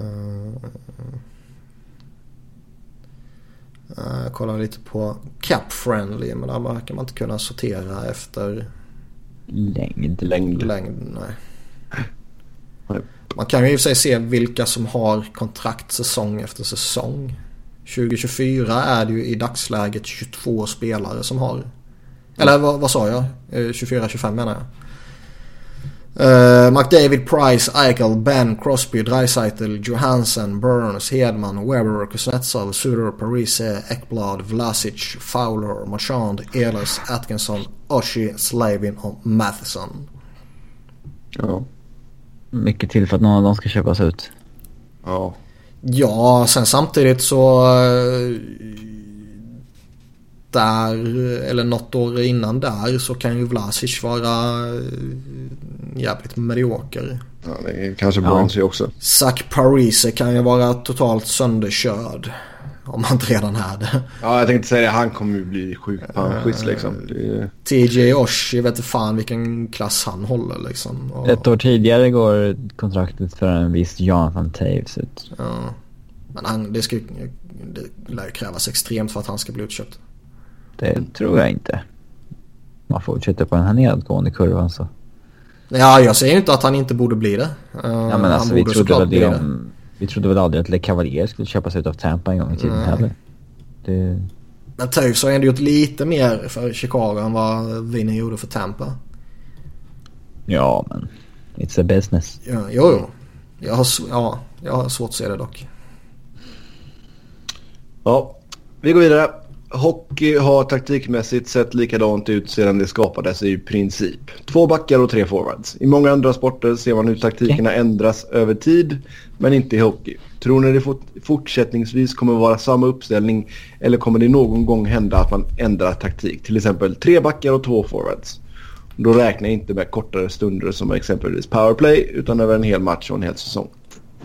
Det var ju kul i och med att Djurgården gjorde det förut. Till torpedhockeyn. HD Hardy var före sin tid. Mm. Och innan dess 1-1 systemet som de tillämpade. Eh, Den, den här frågan är rätt rolig faktiskt. För jag sitter ju själv ibland och tänker på liksom, va- varför eh, experimenterar man inte? Varför sätter, som frågan nämner här till exempel. Varför sätter man inte ut tre backar och typ två centrar när man ska döda sista minuten i en match? Mm. Parkera bussen helt enkelt. ja. Eh, Fem backar på isen. Pang. För jag menar, alltså om man pratar i generella termer så har ju det förändrats extremt lite. Eh, visst, eh, går man tillbaka hundra år så var det ju vissa ligor spelade med sju spelare på isen. Alltså en målvakt och sex utespelare. Eh, I de tidiga åren av NHL Eh, Så de första åren där så var ju Stanley Cup var ju en utmaningsbuckla så att säga. Där flera olika ligor gjorde upp om, om Stanley Cup-bucklan. Och Då var det ju en liga väster, västra Kanada där och väst, västkusten som jag inte minns vad fan den hette nu. Pacific någonting. Ja. Eh, som gick upp mot några NHL-lag i någon final och sådär. PCHL. Ja, och då fick de ju... Då var ju det en, en liga som spelade med sex utespelare. Så spelade de ju typ varannan finalmatch med den ligans regler och varannan med NHL-regler. Vilket innebär att varannan match spelades med sex utespelare, varannan med fem typ. Ja, den är jobbig. Men jag menar bortsett från det så har det ju skett väldigt få eh, förändringar i generella termer då över eh, hur man liksom... Vad ska man säga? Player deployment så att säga. Ja. Det är väl, ja man spelar med en extra forward i powerplay. Ibland spelar man med fem forwards i powerplay om det är liksom något alldeles extremt. Eh, men powerplay ska man ju exkludera tycker jag ändå. Och eh, något enstaka byte här och där är ju liksom... Man jagar en kvittering, det räknas ju liksom inte. Men jag tycker det är jävligt fascinerande ändå. För som du säger, alltså, fotbollen har utvecklats på jättemånga olika sätt. Ja, herregud. Formationer och grejer. Från liksom Men där har du inte 60-talet blivit- spelat med tvåbackslinjer så spelar ju många lag nu med sjubackslinjer typ. Alltså du har ju mycket mer svängrum där med, i och med att det är liksom... Det är ju så mycket, många fler utspelare. Ja, så är det. Jo, jo. Men då är ändå 20 Men- spelare tillgängliga i ett hockeylag liksom. Jo. Var, var, liksom, kan var, varför... Jo, men liksom var, varför börjar man inte spela med fyra backpar? Varför ska det alltid vara tre backpar för? Varför ska det vara fyra kedjor och tre backpar? Jo, det, visst. Där kan du väl köra tre kedjor och fyra backpar ifall du känner för det liksom. Liksom hur, hur... Har ni sett ett lag någonsin ställa upp med fyra backpar i ordinarie rotation? Och då menar jag inte ha med... Man har sjukt skadeproblem så man tvingas sätta två backar som forwards liksom. Nej. Jag, jag kan inte någonsin minnas att man har sett det.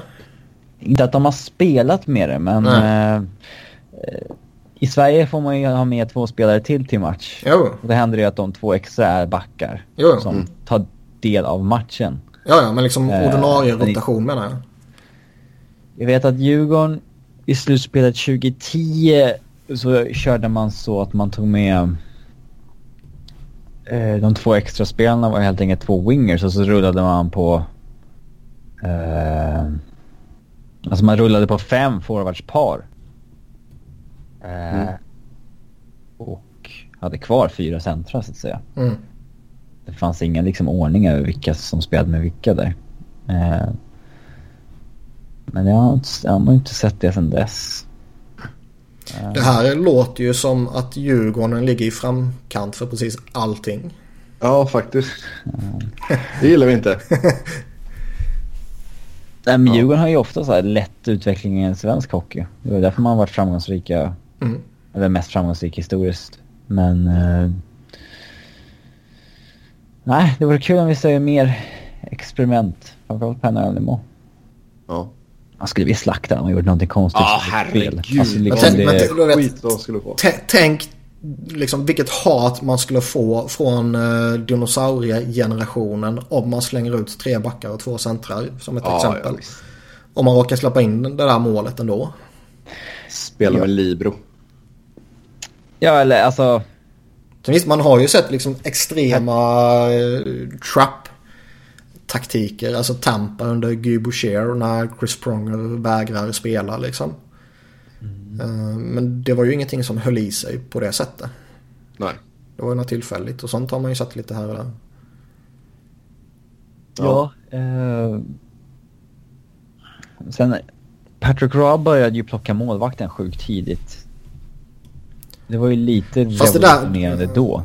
Han det- kunde ju plocka med så här sju minuter kvar. Mm. Men det där, har, liksom, det där har man ju hört, man har ju läst och sett sånt där tidigare liksom. Där det var typ coacher på eh, 70-80-talet eller någon sån här ännu tidigare kanske när eh, när, när liksom laget ledde med 7-0 och publiken börjar lämna arenan. Då plockar man målvakten bara för att det ska vara lite spännande. Om spelar man så några minuter och så gör motståndarna två mål och sen så sätter man in målvakten så är det tajt match igen. Det är jävligt skumt. Ja. Nej, fy fan. Men Ja, eh, vi- ja. Ja, men jag håller med dig där. Så släng in tre backar och två defensivt lagda centra när du ska verkligen säkra en vinst, visst. Men Ja, eller, rama, ramaskri skulle det bli. Ja, eller som jag sa, bara liksom fyra backpar, ordinarie rotation. Varför liksom... Varför inte? Jag vet, jag vet inte, är det så mycket mer slitsamt att spela forward? Nej, men om du säger, säger att du har eh, tre riktigt starka centra, men typ eh, Pittsburgh nu. Mm. Som inte har några backar som kan lira 25 minuter. Räknat med Crystal Tang för han är alltid skadad. Ja. Men, och så har man sjukt bra centrar. Då kan man ju offra så att man bara kommer till match med tre centrar. Eh, och ja, kör Att du på... sprider ut det på åtta backar. Ja. Exakt. Mm, vi får se om någon Ja, man, är man ser ju ofta det här modig. också liksom att Oftast har ju nästan alla lag massa olika spelartyper i, i bland sina sex backar där man inte anser att alla är lämpliga för att typ spela PK. Nej. Och sen får man en ordinarie PK-back utvisad och så måste man spela med en back som man egentligen inte vill spela där eller som man tycker att han är ju för jävla usel på det här, vi kan inte spela honom. Men så tvingas man spela honom ändå. Däremot det vore bra om NHL följde Europa lite om man fick ha med två spelare extra till match. En extra, alltså två extra ombytta utöver ordinarie lineup Mm. eh, på 18 gubbar. Att man får ha med 20 skaters till match. Eh, för det är ändå så att en spelare 19 och 20 sitter ju bara på läktaren. Liksom, det fin- då kan han ju lika gärna sitta ombytta. Ja. Att den mängden spelare man får ha uppkallad till laget är också så många man får ha dressa. Liksom det, varför inte? ja, det kan jag absolut hålla med om. Sen är det också det här att alla, inklusive mig själv, sitter ju i princip och snackar om att det är aldrig bra att ha tre målvakter uppe. Utan man ska ha två målvakter liksom. Den, den tredje blir liksom oflyt om man har tre och så ska hålla igång tränare och grejer. Men liksom var, varför...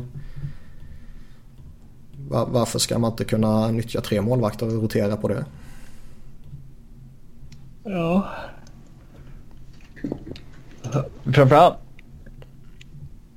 förvånad att vi inte ser fler målvaktsbyten under match. Ja, du menar Dels att det är oftast en gratis timeout. väl... Ja. Och sen så... Ja, men liksom om man leder med 5-1 då kanske man plockar Henke. Så han får vila resten av matchen.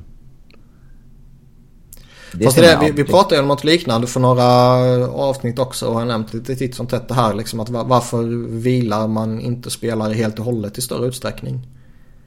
Eh, Detroit gjorde det med Lidström några gånger i tredje perioden och de ledde stort.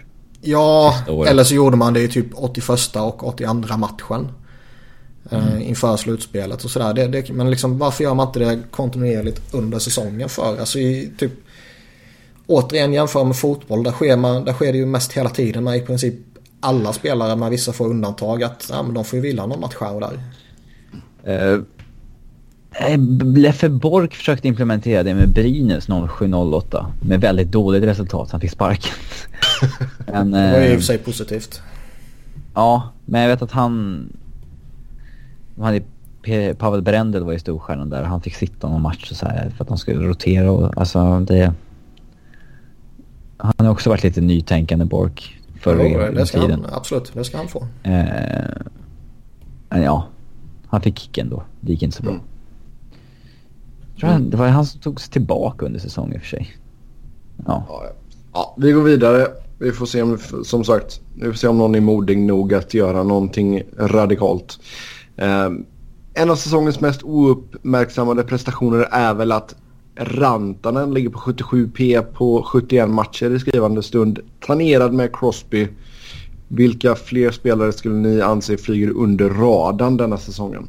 Alltså det är ju två oförskämt många som ligger... så att nu har han passerat Ja. Taylor Hall. Så där ja. Den här Alltså, frågan är ju- väl inskickad för eh, två, tre dagar sedan.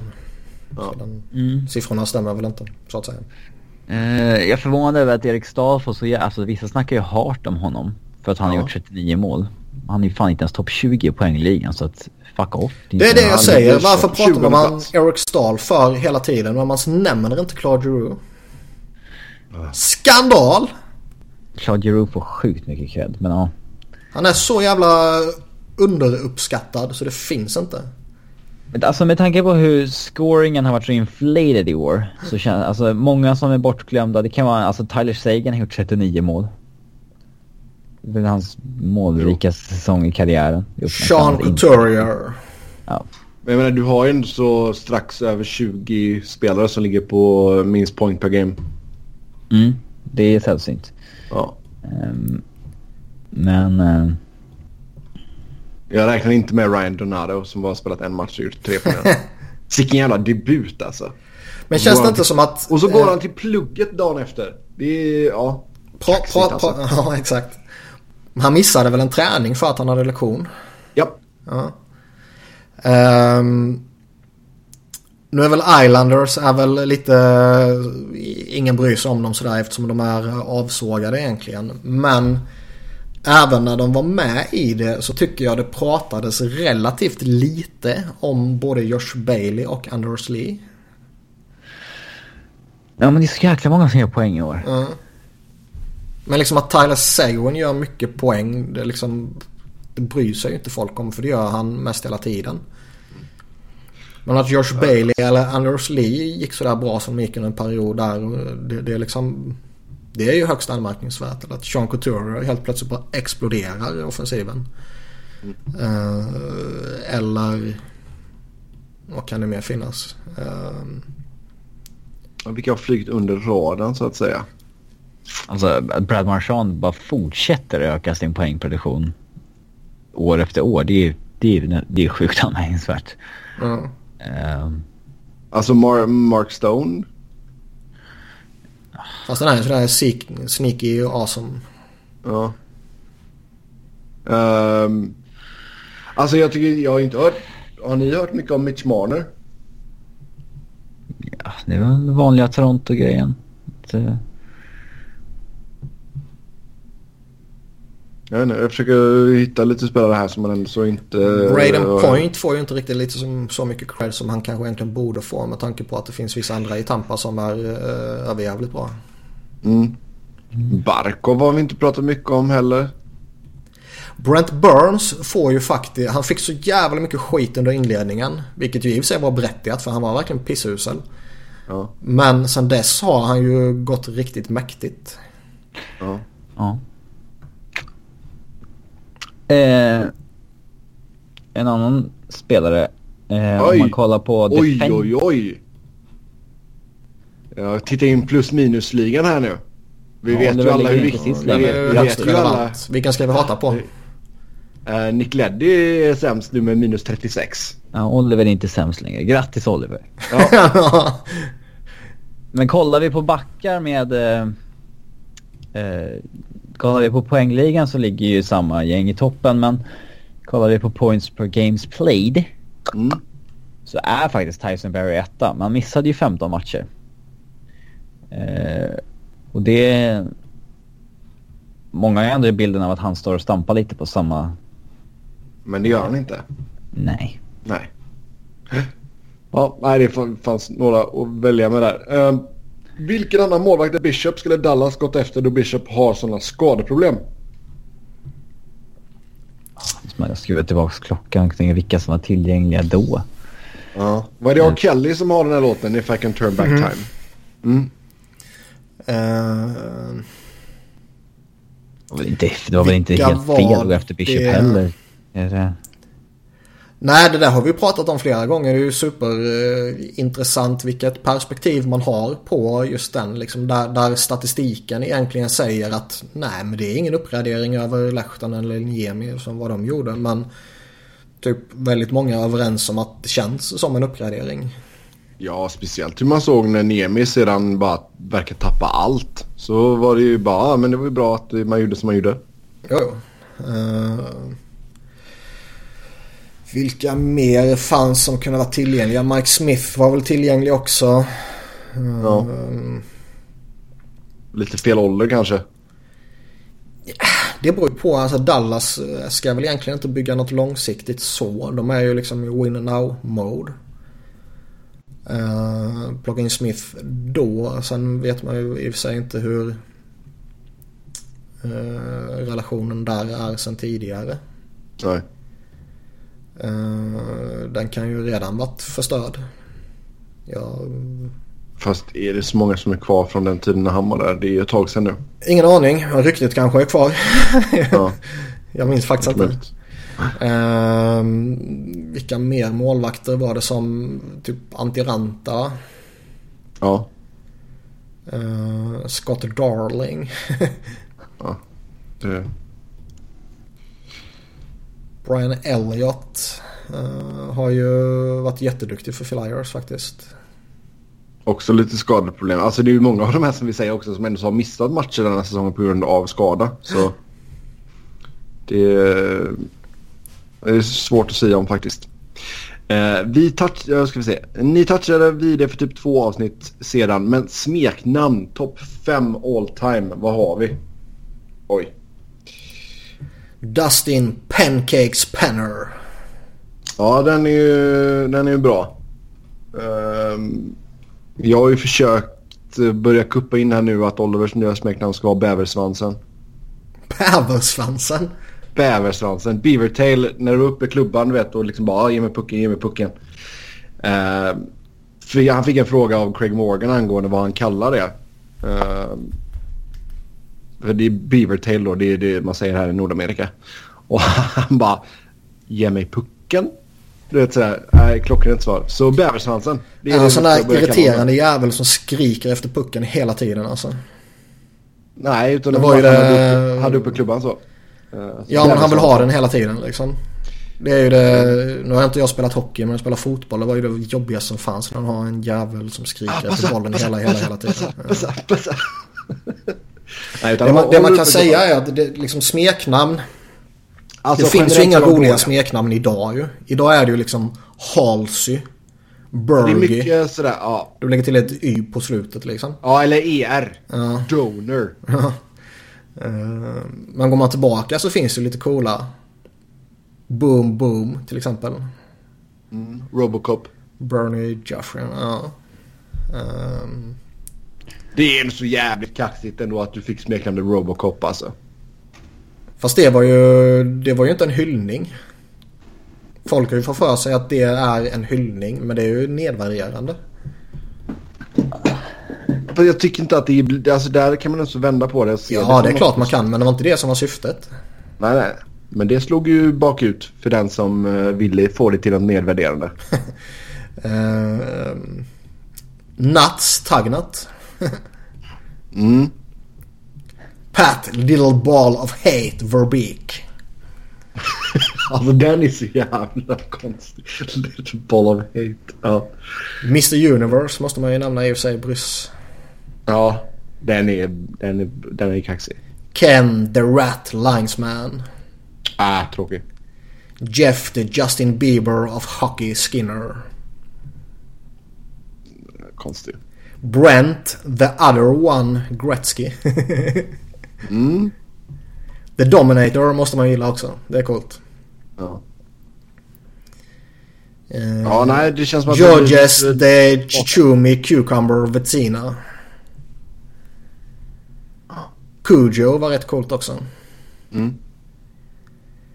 Uh, som sagt, det är mycket som går bakåt i tiden. Uh... Steve, The Puck Goes Inski, Businski. Ja, oh, gud. Ja, det är sån här Göteborgsklass på den. The Boogeyman är ju lite charmig också. Ja, den är cool. Den är riktigt cool. Dave the Hammer Schultz. Dave ja, Cemented har... Semenko. The Hammer har du ju på Hjalmarsson nu också. Mm. Finns bara en Hammer. Cool. ja, de kanske borde döpa om honom till Thor's Hammer. Eller The Swedish Hammer. Jerry Men... King Kong Cora. Ja, okej, okej, okej. Det räcker nu Niklas. Nu Sen har vi ju Niklas, The Perfect Human, Lidström. Det, det måste man ju nämna. Jag tror du skulle säga Wiberg. Niklas, The Perfect Human, Wiberg. ja, svek på den. Men i alla fall, äh, bäversvansen då. Det, det är den vi får pusha för nu helt enkelt. Um, vi tar en fråga till. Sedan så är det dags att säga hej då. Och sista frågan är, kan något lag hota Bruins? Ja. ja då blir det inte någon superfavorit Eller? Eh, efter den här frågan följde en blinkande smiley. Ska tilläggas. Ja, okay. ja bra att det var Jag antydde ditt skämt. Eller det är någon Boston-supporter som är har Nej, men alltså grejen att Boston tyckte jag ju var en legitim utmanare. Sen har de ju fått lite skadeproblem sen dess. Mm. Och det kan ju faktiskt påverka extremt hårt beroende på hur, eh, alltså vilka eh, liksom vilken status laget går in med i slutspelet. Mm. Eh, kommer någon vara bort? Igen. Vad sa du? Nu är man ju friska igen. Man är tillbaka. Ja. Det är ju inte samma sak. det är väl bara Björk som är, ja, det är bara Björk som är på IR just nu. Men jag menar, alltså. Är till exempel Patrice Bergeron eh, en 70-procentig Bergeron eller en 95-procentig Bergeron? Ja. Det kan ju vara direkt avgörande om man vinner eller torskar mot Toronto till exempel. Ja. Um, men jag tycker fortfarande Boston, om, om de håller sig uh, i gott slag, uh, alltså skademässigt så att säga. Mm. Att de som har varit borta har kommit tillbaka, kommer tillbaka i, i, i liksom så, så god form som man kan, kan. vara efter 82 matcher liksom. Ja. Uh, och att man inte får något nytt skit såklart. Så, så tycker jag att de är, de kan definitivt vara det laget som, som vinner Eastern. Alltså det är en så spännande jävla matchup om det blir eh, dem och Toronto. Vilket det, det, det finns ju potential för att bli många roliga matchups. Uh, alltså Boston-Toronto kan ju bli en jätterolig serie. Nu, mm. nu är ju som, som jag har sagt någon gång Flyers i fritt fall. Men de var ju länge i en position där liksom jättemycket talade för att de skulle få möta Pittsburgh i första rundan. Ja, det hade ju nästan varit roligare än att se Pittsburgh Columbus. Alltså nu... Ja, framförallt ingen... nu när Brandon Dubansky är en skugga av sitt forna jag. Annars var ju han alltid rolig att se mot Pittsburgh. Ja. um... Jo, alltså och sen jag förstår alltså från Columbus perspektiv så alltså deras rival är ju Pittsburgh. Sen känner ju Pittsburgh kanske inte likadant Nej, det är ingen för som Columbus. Columbus när man pratar rivalitet. Nej. Men, Men alltså jag, även om man tittar jag ser, i... Jag ser ju mycket hellre Pens mot, uh, mot Philly liksom. Jo, jo. I en första runda. Men liksom tittar man mot Western så är Nashville mot Anaheim en rätt rolig matchup i första rundan. Och jag tror, eh, jag har för mig jag läste det igår i alla fall, att Nashville har lite problem med Anaheim. Uh-huh. Mm-hmm.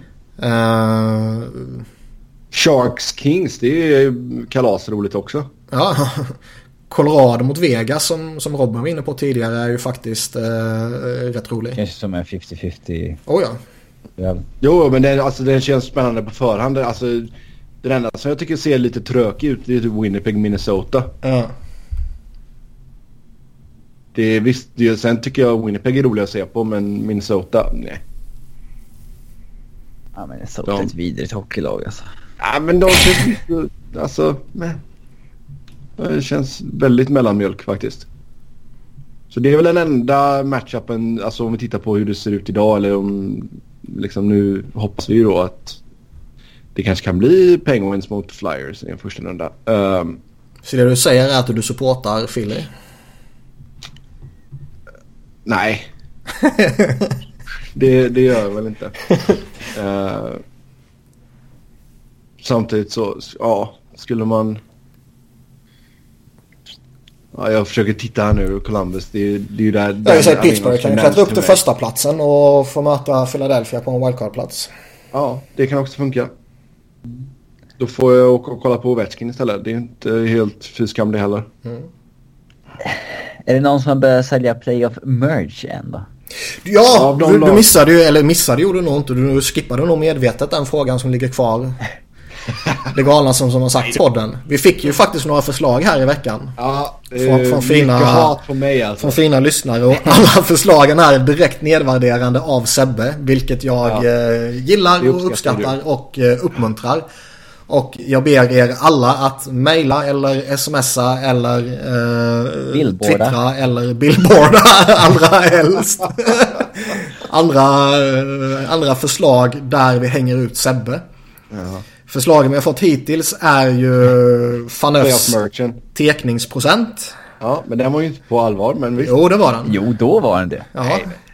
Sen har den blivit en gimmick liksom. Men uh, En sjuk grej var ju när Sebbe hävdade att Kyle Brodziak hade tjänat 4-6 miljoner per år. Eller hur det var, minns det bara vagt. Men du var uppe och Mm. på att han tjänade 6 miljoner har jag för mig. Han Jag, tror, typ- nej, men jag, tror att, jag trodde att hans cap hit, jag tittade på en annan spelare och jag trodde att hans cap hit var typ 4,5 Ja, det var, det var ju bara att... Det Det var, var bara att jag kollade fel. Det var ju bara att du Men, var eh, usel. det var ingen sjuk grej att han säger Att vi säger nej, han tjänar inte så mycket och Sebbe säger jo. Ja. Så, så- så var det ju inte. Nej. Sen är det alltså, alla vi tre har ju, alltså har man gjort det här i sju år så har man ju sagt jävligt många felaktiga och korkade saker. Alltså åsikter som sen har visat sig vara helt felaktiga typ. Ja. Men något av det roligaste är ju diskussionen du drog igång om, Om playoff playoff merchant. merchandise faktiskt. Det står jag, ju- där står jag ju på mig fortfarande. Det Ja, du är så jävla korkad. Nej, det fan. Och den, eh, den episka... eh, När Sebbe fick för sig att han skulle slå ett slag för Bäckström och hävda att det var han som hade gjort det. Ja, ja. Jag har aldrig hävdat att Bäckström har gjort Ovechkin. Jag Jo, säger bara att Bäckström har varit så underskattad i så många år. Du hävdade att det är Beckis som driver den kedjan. Nu får vi gå tillbaka och lyssna på detta nästan Ja, tror det jag. kan vi göra. Ja, det får vi göra. Ja, Det gör vi till nästa vecka och då ska vi hänga det 50 igen en gång. Ja, men Beckis gör ju ändå 50 assist. Som att det är samma bedrift. ja, det är det ju inte. Nej. Men eh, vad sa vi att han hade gjort 228 assist på uh, Ovechkins 600 mål? Ja. Ja, Skulle jag spela jämte Ovechkin en hel karriär skulle jag också ha massa assist. Nej, det tror jag inte. Det är ett, ett byte, du åker på en tackling och så... Och så är det framförallt så är det ju inte så här Beckis som är något speciellt. Det hade kunnat vara Taves eller Kopitar eller Ja, alltså. Ja, det är klart att det hade. Men eh, Bäckström, en av ligans mest underskattade spelare under, under perioden han har varit i ligan. Så mycket kan vi slå fast i alla fall. Men Mercer, alltså. Jo, jo, jo. Det är han verkligen inte. jo, det är han. Nej. Det är, nu är det som förra veckan här där, där jag måste klippa bort sektioner för att få det att inte framstå så jävla galen. nej, nej, nej. Det, vi fick det svart på vitt. Player-undersökningen, han är mest underskattad. Bra. Um, men mer, alltså merch-grejen. Det, det, alltså, det är, jag tycker fortfarande det är snorlöjligt att sälja de grejerna. Sen ska, jag- sen, sen ska jag villigt erkänna att jag har en... eh, Kings En eh, King- playoff. Kings när de inte playoff. slutspel. Nej, men, eh, jag har en final-tisha där från eh, finalserien mot eh, Devils.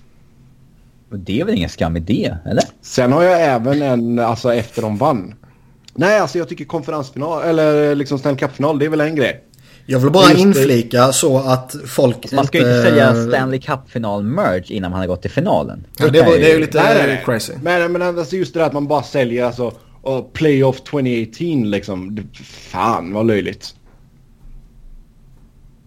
Det, det tycker jag är löjligt. Visst, alltså någonstans så kan jag väl säga att konferensfinalen är väl min cut-off. Alltså, ja. Nå- någonstans vill man väl hypa upp slutspelet liksom. Och eh, hur gör man det utan Jo, att... alltså jag, jag förstår eh, att de... Oj, det förstår jag. Det är att man vill sälja, att det är liksom folk bara ah, nu har vi gått till slutspel, nu måste jag köpa någonting. Och så blir det liksom en ja, playoff 2018 då. Ehm, och för vissa lag så är det ju stort att ta sig till ett slutspel. Det så jag menar visst att man cashar in på det.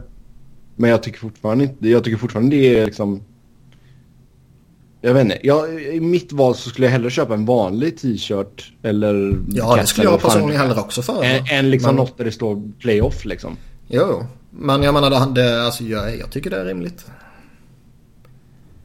Jag förstår det ur ett business, businessperspektiv men jag tycker fortfarande det är löjligt. Jag vill dock inflika, eh, bara för att förtydliga det här, att eh, när jag var på Växjö-Brynäs så tog jag givetvis inte på mig tröjan som delades ut. För att läktaren skulle se orange ut. Okej. Det var fel sorts orange. Jaha, fel shade of orange, okej. 50 shades of orange. Det kanske är det, det, kanske är det de ska- 1780. ja, faktiskt! Istället för behind the bees så kör man en 50 shades of orange. Ja, det är bra. Yes. Med det så tar vi och säger tack och hej för den här gången. Som vanligt så kan ni eh, snacka ihop med oss via Twitter. Mig hittar ni på @sebnoren, Niklas på att Niklas Wiberg, Robin på R Fredriksson. Tills nästa gång, ha det gött. Hej! Hej!